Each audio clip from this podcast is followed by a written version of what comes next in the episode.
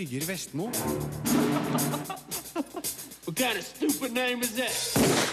Premierefilmen The Shallows er en brukbart spennende haitriller.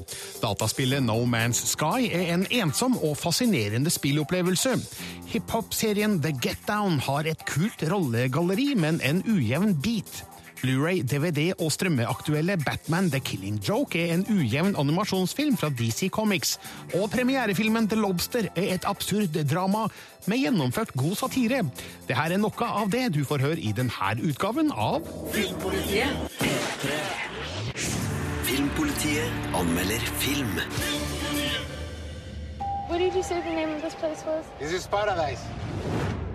Det krever et visst mot å lage nye filmer om sultne haier, all den tid det er nærmest umulig å matche Steven Spielbergs 'Haisommer' fra 1975. Regissør Jaumet Collet Serra gjør imidlertid ingen dårlig jobb med The Shallows, en tett liten thriller der en idyllisk strand blir omgjort til et blodig mareritt for filmens hovedperson.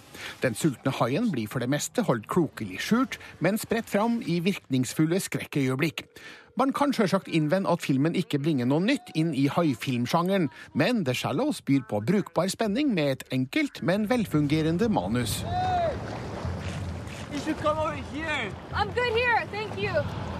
Nancy, spilt av Blake Lively, reiser alene til en avsidesliggende og folketom strand i Mexico for å surfe. Idyllen blir avbrutt når en hai går til angrep, og hun må redde seg opp på en liten holme, akkurat litt for langt fra land. Nancy må forholde seg til svært enkle og brutale problemstillinger for å holde seg i live, samtidig som hun må pønske ut hvordan i all verden hun skal klare å komme levende fra denne situasjonen. Blake Lively, kjent fra Gossip Girl, The Town og Green Lantern, har de kvalitetene som trengs for å skape en figur ut av et manus som kanskje ikke gir hun så mye å spille på. Hun er nemlig alene i store deler av filmen og har lite dialog, men gjør en god jobb med å spille skremt og motløs, men samtidig smart og snarrådig. Filmen gir oss òg noen glimt av Nancys bakgrunn og motivasjon for å dra til akkurat denne stranda. Det er kanskje ikke mye, men akkurat nok til at hun blir mer enn bare en dame i nød. Det finnes elementer i The Shallows som virker litt forstyrrende, som hvordan Nancy kan surfe i enorme bølger i et hav som er helt stilt i all scener. Noen sekvenser har òg en litt for gjennomtenkt timing, sjøl om det åpenbart er god taktikk for å skape mer spenning. The Shallows finner på ingen måte opp nytt krutt, men det her er 86 kjappe minutter med renskåren høyspenning og med Blake Lively som et dyktig og effektivt midtpunkt. Terningkast fire. Filmpolitiet. Does that sound good to you? På P3. Filmpolitiet anmelder spill. Radiation levels critical. I've seen things. A universe. Galaxies waiting to be found. I dag slippes endelig dataspillet No Man's Sky for PC. I forgårs kom det også ut for PlayStation 4. Og en av dem som har venta veldig lenge, er NRKs spillanmelder Rune Haakonsen. Hallo! Hei, Birger. Det er fint du har tid til å være med oss i dag. Ja, du, Jeg driver nemlig på fulltid nå nærmest og utforsker uh, universet, så det her er bare så vidt. Ja, for No Man's Sky er på alle måter et digert spill. Kan du forklare kort hva det her egentlig går ut på? Jeg har lyst til å beskrive spillets første øyeblikk for å gi deg et lite inntrykk, Birger. Du, du våkner på en fremmed planet, du vet ikke helt hvor du er. Eh, Du ser at romskipet ditt er ødelagt, og derfra må du klare deg selv. Det er utgangspunktet for No Man's Sky, hvor du må samle ressurser og teknologi, og til slutt reparere skipet for å reise ut i verdensrommet. Og mot, da, kanskje, og jeg gjentar, kanskje et mål der ute blant stjernene. Eh, Det er spennende, og det betyr at du både i første person skal samle ressurser, kjempe mot fiender, og ikke minst i romskipet ditt drive med real eh, romkamp, rett og slett. Jeg forstår det sånn at du har blitt litt huka av No Man's Sky? Jeg, må innrømme det, for det her er jo et spill som du nevnte, som jeg har venta på veldig lenge. Det har vært under utvikling i fem år. For to og et halvt år siden så møtte jeg spillutvikler, eller spillregissør, som jeg vil kalle han, Sean Murray, og begynte å få et inntrykk av at han hadde et, han hadde et litt unikt budskap. Eh, For spillet handler i bunn og grunn om det å å oppdage noe som ingen andre har oppdaget før. Enten det er å stå på en fjelltopp og, og skue utover en, en fremmed planet mens to soler går opp i horisonten, eller det er å oppdage dyr som ingen andre har sett før. Og, og, og det har jeg gledet meg veldig til. Og dette er noe som spillet også virkelig klarer å formidle, så jeg skal heller ikke legge skjul på, Birger, at eh, jeg storkoser meg eh, med No Man's Sky, altså. Men hva har du gjort så langt? Eh, Nei, det er jo nettopp dette med å utforske en verden. Og så er det knytta også en historie hvor du kan velge om du kanskje skal reise innover mot sentrum av galaksen, eller om du skal utforske på egen hånd. Og, og det her er et spill som har en del likhetstrekk med f.eks. Minecraft. For du skal jo samle ressurser og, og kan bygge ting og oppgradere skipet ditt. Men så er det heller ikke en, en, en sånn definert slutt. Det å utforske, det å oppdage, er nok hovedmålet i seg selv. Og det høres kanskje litt sånn rart ut, men, men akkurat dette med å oppdage nye planeter, og så må man hente inn litt inspirasjon fra f.eks. 2001, en romodyssé, da skjønner du litt av mystikken også som ligger bak dette med bare utforsking. Men et spill der et ekstremt svært univers er lekegrinda, det høres jo ut som at det er skreddersydd for multiplayer eh, gaming online, men, men det er det ikke. Nei, og og det er nok en god del som har venta at det skulle bli en sånn heftig romkamp med mange spillere som kan eh, skyte på hverandre osv. Tvert imot, No Man's Sky er et ensomt spill.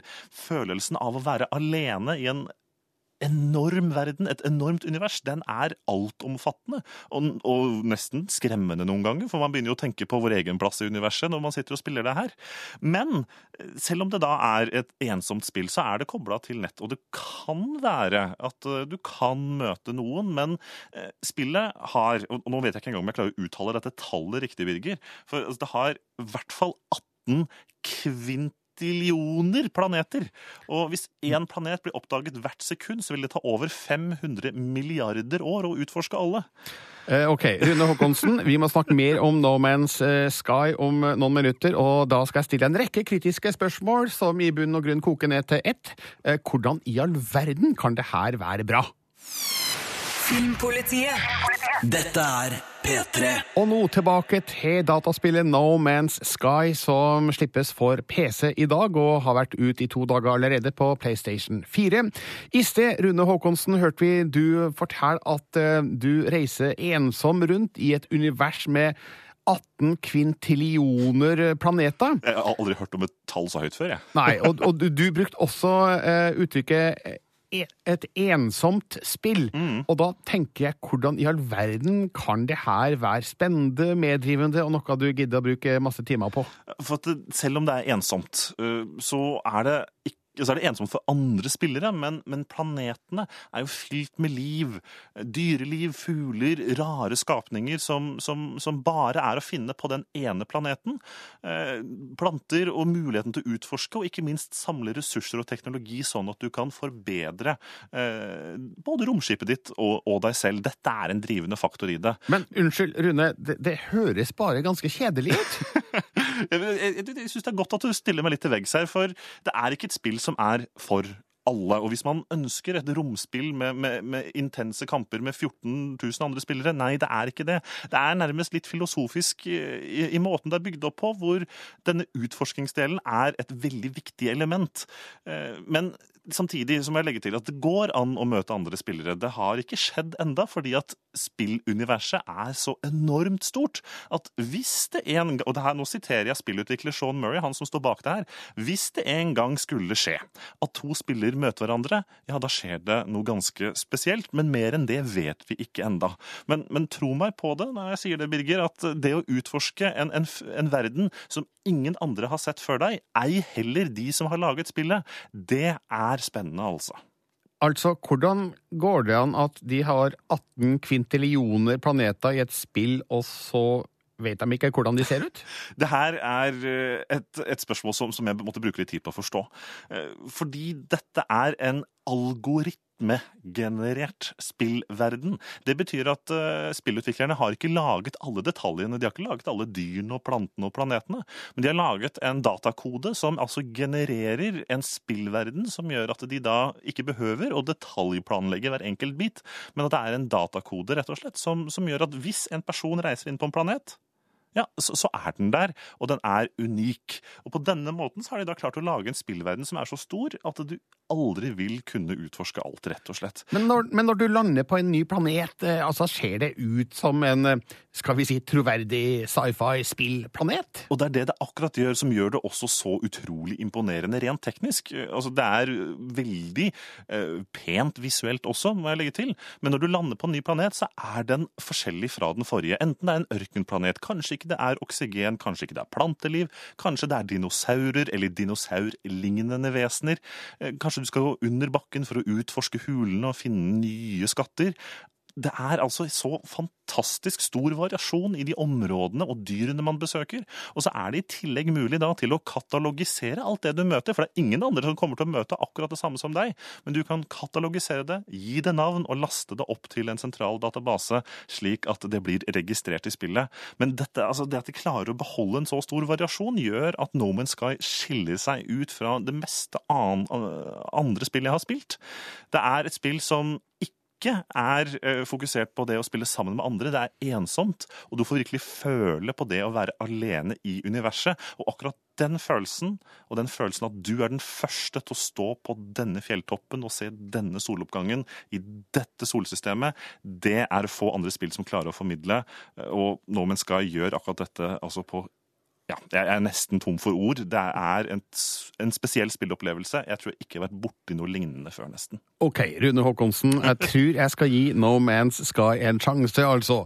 Slippes eh, på PC i dag, fins også ut på PlayStation 4, og du, Rune, gir Terningkast fem Filmpolitiet. på P3. Hvis du er opptatt av tidlig hiphop-historie, har Netflix og regissør Bass Luhrmann gjort en innsats for deg. I dag er det nemlig premiere på serien The Get Down, som i musikalform tar for seg barndommen til graffiti, breakdance og hiphop i The Bronx i New York på 1970-tallet. Kollega Sigurd Vik har sett de tre første episodene. Filmpolitiet anmelder TV-serie. Get down? You don't know what the fucking get down is? Baz Luhrmann, mannen bak Moulin Rouge-filmen, tar sin overdådige og fantasirike stil med seg til New York og hiphopens røtter i serien The Get Down. Med sprudlende fortellerglede og et godt komponert figurgalleri setter han scenen for ei historie full av klassiske intriger, som blander fiksjon og musikkhistorie i ei spraglende godteriskål av kule klær, farlige strøk, fengende beats og unge helters skapertrang. This ain't Disneyland, this is the Bronx! Det er sommer 1977, og Bronx omtales som en krigssone. Fattigdom og frustrasjon preger bydelen. Gjenger herjer, narkotikaen flyter, og tomme bygninger blir stadig påtent for at eierne skal kunne kreve forsikringspenger. Et sted med utrygge rammer for eh, sine unge, men en trykkoker for kreativitet. For unge Ezekiel og vennegjengen er det musikk og spraybokser som er gløden, og da de møter den mystiske graffitiartisten Shaolin Fantastic, havner ungdommen midt i en kulturrevolusjon. Her er en fiksjonsversjon av hiphop-legenden Grandmaster Flash ansvarlig for rytmen, og musikkdrømmen ligger åpen for dem som evner å gripe den. Universal DJ Rule 17, Grasshopper. In order to fly, a DJ must trust his wing. And are these your wings? Yes, Grandmaster. Som i HBOs nå kansellerte musikkserie Vinyl er igjen 70-tallets New York åstedet. Men der vinyl gikk for Martin Scorseses epokerealisme og en kokaintung dans med rockeklisjeene, så er The Get Down en mer frigjort komposisjon over temaet. Serien er sydd sammen av en praktisk musikal logikk, hvor fysikkens lover kun er veiledende, og mytologi smelter sammen med en sprudlende tidskoloritt til et lekkert bakteppe. No. Den Lurmann-regisserte første episoden snurrer både rytme og presentasjon av rollefigurene godt sammen i en tegneserielignende hyllest av alt lurmann syns er kult med epoken. Men i de følgende episodene, uten lurmann ved regiroret, så forsvinner noe av energien og stilharmonien.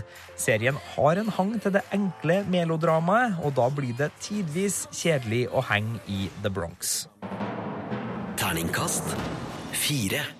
Les mer om film, spill og serier på p3.no Filmpolitiet. Filmpolitiet hver fredag fra 11 til 1 på P3. Filmpolitiet anmelder film. I want to talk. DC Comics er fremdeles i startgropa når det gjelder å lage spillefilmer basert på sitt rikholdige univers av superhelter og skurker, men har allerede gjort det en stund innen animasjon. Siste nytt på Blu-ray, DVD og digitalt er Batman The Killing Joke, basert på et anerkjent tegneseriealbum fra 1988, med historie av Alan Moore og bilde av Brian Bolland. Filmen er en middels interessant utforskning av forholdet mellom Batman og erkefienden The Joker. Animasjonen matcher på ingen måte de mørke, sjelfulle bildene fra det originale albumet, og filmen har et langt og uinteressant anslag med pinlig romantikk. Derfor er Batman The Killing Joke en plagsomt ujevn animasjonsfilm. About how this is going to end. About who will end up killing who. Batman, med stemme av Kevin Conroy, oppdager at The Joker, med stemme av Mark Hamill, ja, Luke Skywalker, har unnsluppet Arkham Asylum.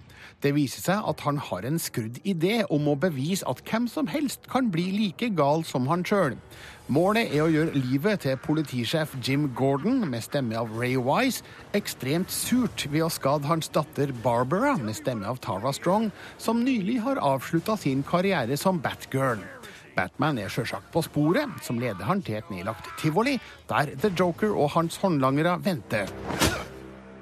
I'm getting counted ten. One. Nine.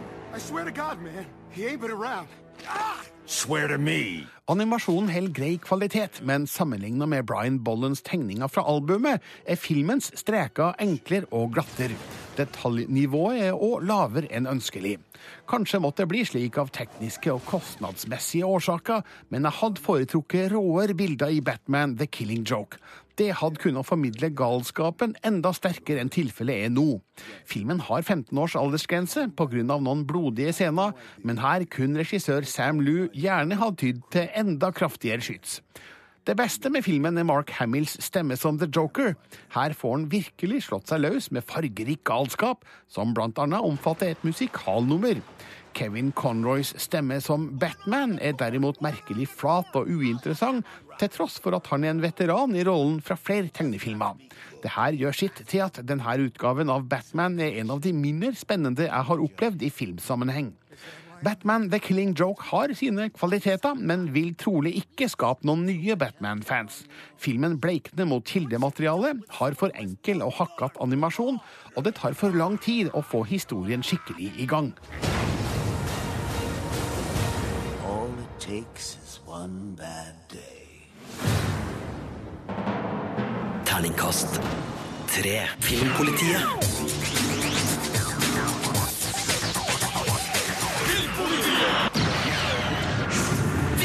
Filmpolitiet anmelder film. Have you ever been on your own before? No, never. Your last relationship lasted how many years? Around 12. Sexual preference? Women. Den greske regissøren Jorgos Lantimos har med The Lobster laga en film som på mange måter minner meg om Jens Liens Den brysomme mannen. Vi blir tatt med til et lignende dystopisk univers, der mennesker mangler kjærlighet og empati, men tvinges til å leve i parforhold. Det er en godt gjennomført satire med mørk humor og rare figurer. The Lobster er absurd, surrealistisk, morsom og vidåpen for tolkning, men går tom for de riktig gode ideene før filmen er ferdig. And the dog? My brother, he was here a couple of years ago, but he didn't make it. Did you read the leaflet? Yes, I did.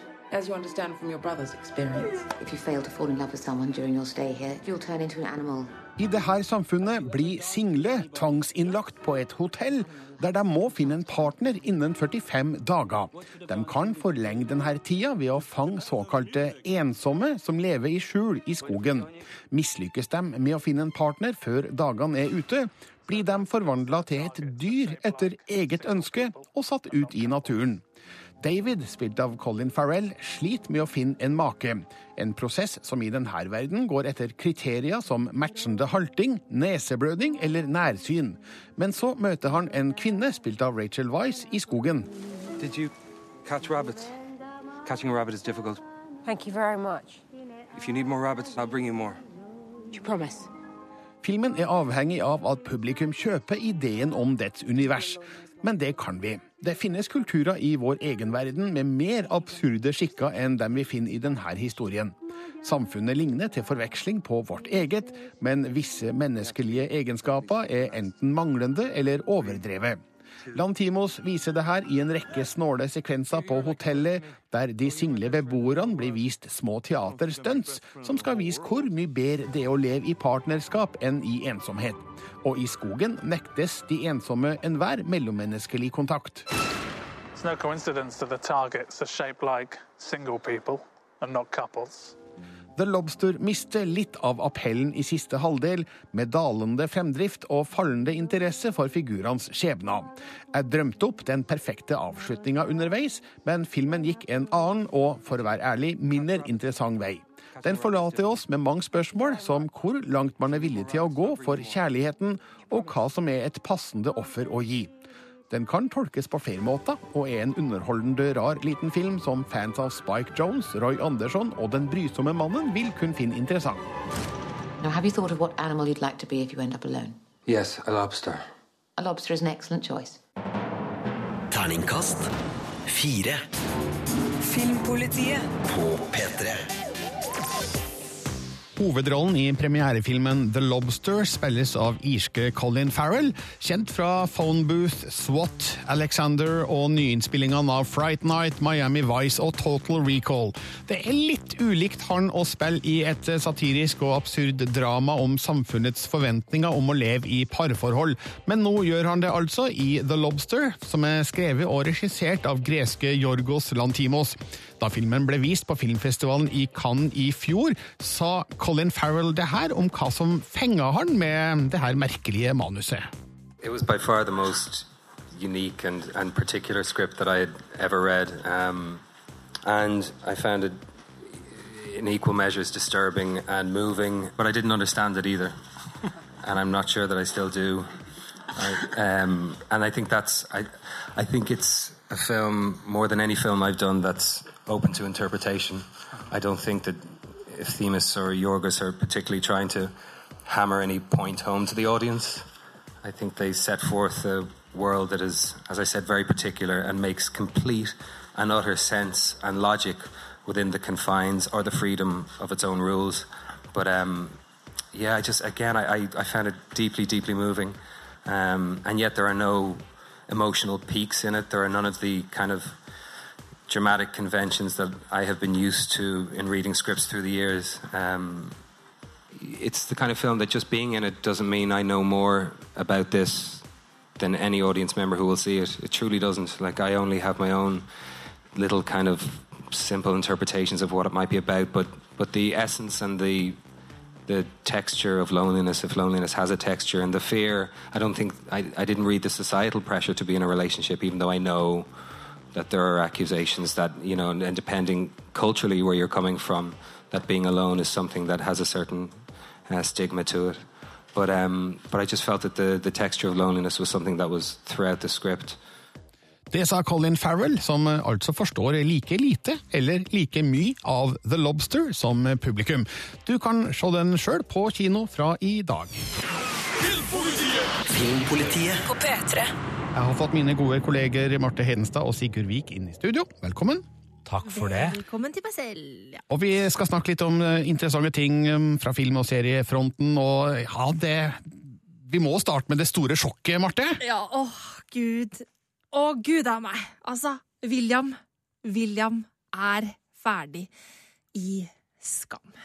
Altså Hva helt gir du meg?! Altså, det er jo helt eh, insane. Altså, eh, Thomas Hays, da, som han egentlig heter, eh, skuespilleren eh, bak William, han har bestemt seg for at eh, han ikke ønsker å bli med videre.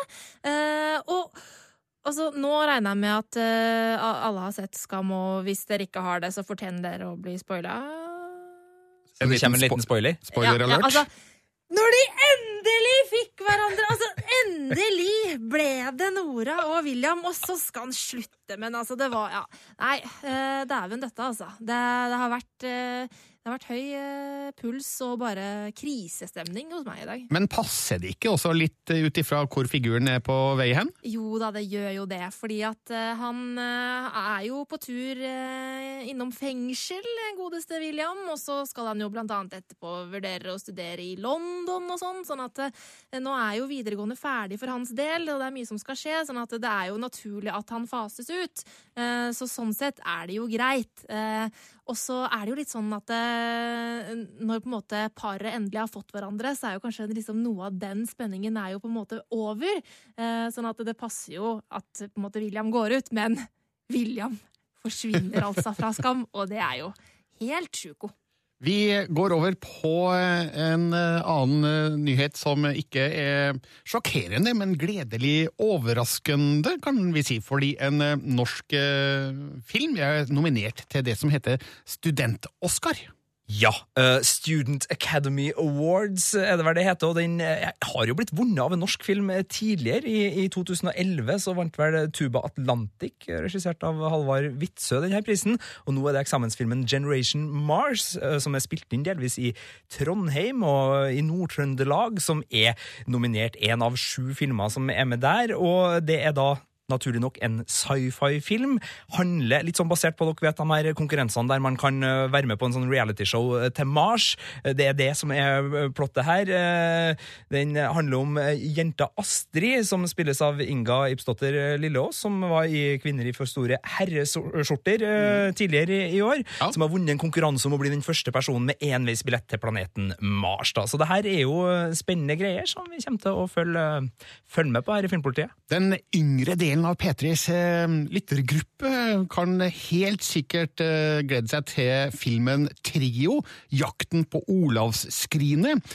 Trio er jo da en um, serie på NRK Super som har gått i to sesonger, og nå blir det storfilm. Ja, og det er jo så gøy, for det er jo sånn skikkelig skattejakt. Altså, den gjengen i trio, Nora, Simen og Lars, de har jo jakta det ene og det andre tidligere. Odins gull, cybergull og diamanter og det ene og det andre. Men nå er det altså jakten på Olavsskrinet, altså skatt etter Olav den hellige, som er på gang. Og eh, det blir spennende å se hvordan det blir. Dette er Filmpolitiet på P3. P3. Her har jeg fremdeles Marte og Sigurd i studio, og vi diskuterer ting som har skjedd på film- og seriefronten den siste uka. og noe av det største skjedde i natt, Marte. Ja, i dag tidlig så kunne jeg nemlig våkne opp til lyden av det her.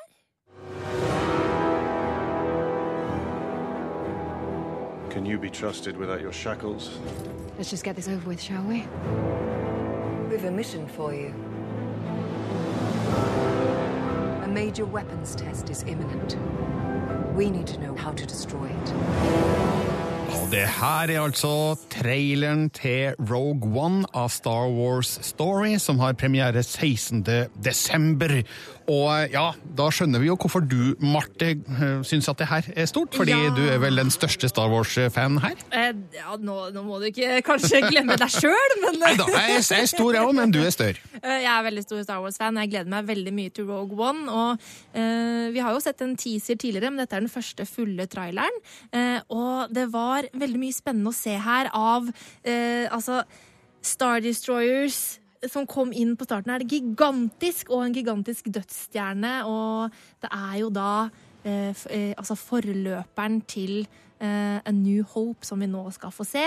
Mm. Eh, og det, det, det lover godt, altså. Det jeg syns var kult, var at vi, vi fikk en følelse av at eh, det her er en eh, liten gruppe knappe soldater som skal utføre et eh, ganske spektakulært oppdrag, Sigurd? Ja, jeg likte veldig godt at uh, man fikk inn veldig sånn distinkte typer i denne gjengen. Blant annet en kar som hadde noe jeg synes er kjempefint, nemlig den her stokken som uh, Donatello i Turtles hadde. Så ut som en sånn der japansk kampsportgreie. Det, det, det virka veldig kult. Og så syns jeg jo skurken Skurken, som uh, da spilles av Ben uh, Eller skurken, sier jeg. Ben Medelson spiller i hvert fall director Orson Krennic og ser veldig skurkete ut i hvit krage som går akkurat opp til, til hakepartiet, og noen noe firkanter på brystet her, og, og, ser ut som en skikkelig badass. Han er da skurken også i Bloodline, for dem som har fulgt den serien. Mm. En ypperlig skuespiller som jeg gleder meg mm. til å se i Rogue One. Så, ja. Vi fikk jo se litt mer av Felicity Jones også, som jo er hovedrollen. Um, så uh, det var interessant å se litt mer av henne, for jeg har vært veldig nysgjerrig på hvordan hun vil gjøre seg som kvinnelig hovedrolle ja. i en ny Star Wars-film. Virker sterk, tøff, absolutt interessant, og en, en troverdig Star Wars-figur. Absolutt. Uh, og så må vi jo jeg vet, ikke, jeg vet ikke om vi Er det en spoiler å si det, men helt Nei da, vi, vi tar det. Helt på slutten så får vi et kjempekort glimt av noe velkjent. Ja. En eh, svart, og... blank hjelm. Sort og velkjent. Ja. og, og, et pust. Ja. Eh, så nei da, det er bekrefta selvfølgelig fra før at Darth Vader er med i Rogue One av Star mm. Wars Story. Nå fikk vi også et bitte lite glimt av han, så gå inn på YouTube og se det der, du som har lyst til å få en liten smakeprøve på um, Rogue One av Star Wars uh, Story. Over til TV-ruta, for George R.R. Martin han har ikke tenkt å, å gi seg helt med å få bøker overført overført til TV? Nei, altså George Martin han har jo altså så masse prosjekter på gang og baller i lufta. Og han har jo et sånt kjempeprosjekt som heter Wild Cards, som han er det, forlegger for. Som er et sånn univers av masse noveller og historier eh, som nå skal bli TV.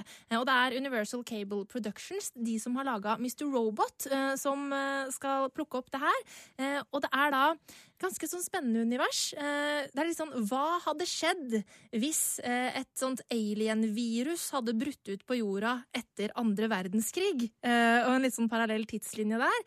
Og så handler det da om at dette viruset det gjør deg enten til krøpling eller en person med superkrefter.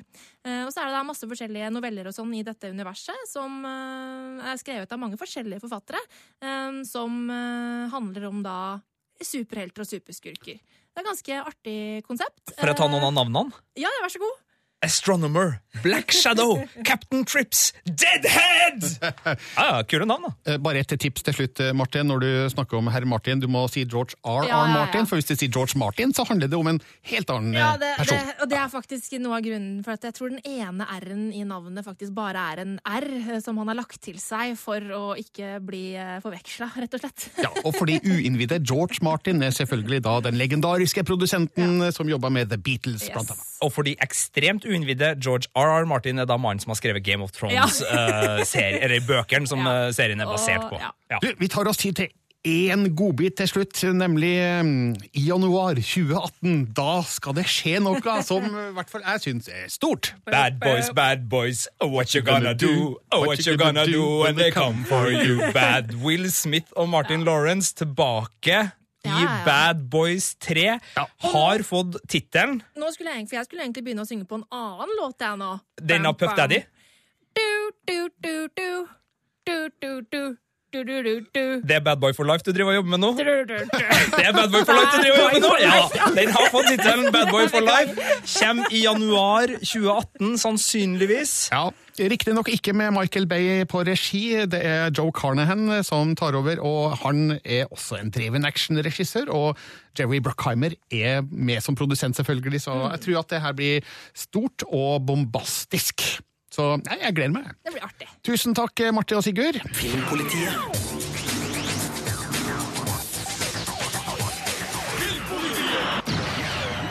Du som liker skrekkfilm, kan glede deg eller grue deg til The Green Inferno, som nå er tilgjengelig på Blu-ray, DVD og strømming. Her er min anmeldelse fra da den gikk på kino. Filmpolitiet anmelder film. is dangerous. We can't just go invade a country because they're doing something that we think is immoral. I know. I just think I should be doing something about the rainforest. The Green Inferno følger i fotsporene til notoriske skrekkfilmer som Cannibal Holocaust og Cannibal Ferox. Den inneholder noen ekstremt grusomme scener, og fungerer av og til på sine premisser som kannibalhorror. Hvor godt den takler historiens ideologiske holdning til bevaring av regnskog, er jeg mer usikker på. Det hele virker som en dårlig unnskyldning for å vise grov tortur og groteske drap. It's time to make a difference.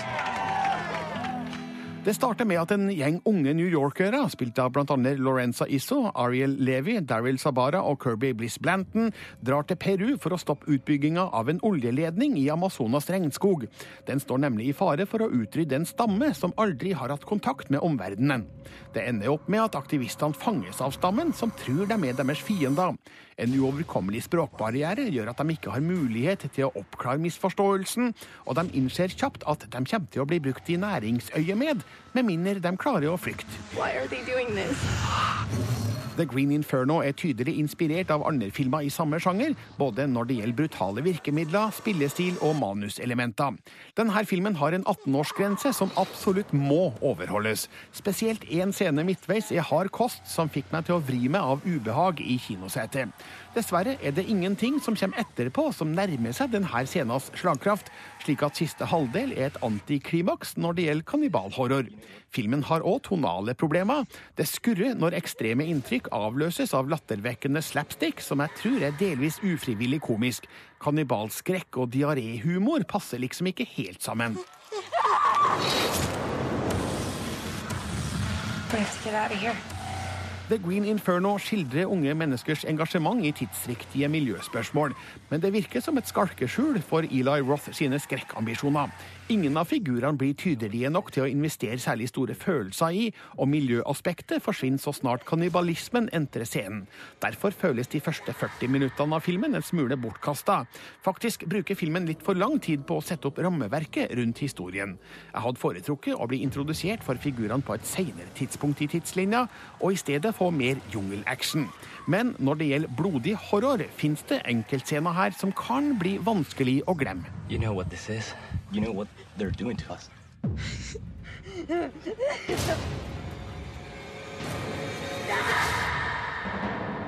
Terningkast tre. Filmpolitiet. Filmpolitiet. Les mer om film, spill og serier på p3.no Filmpolitiet.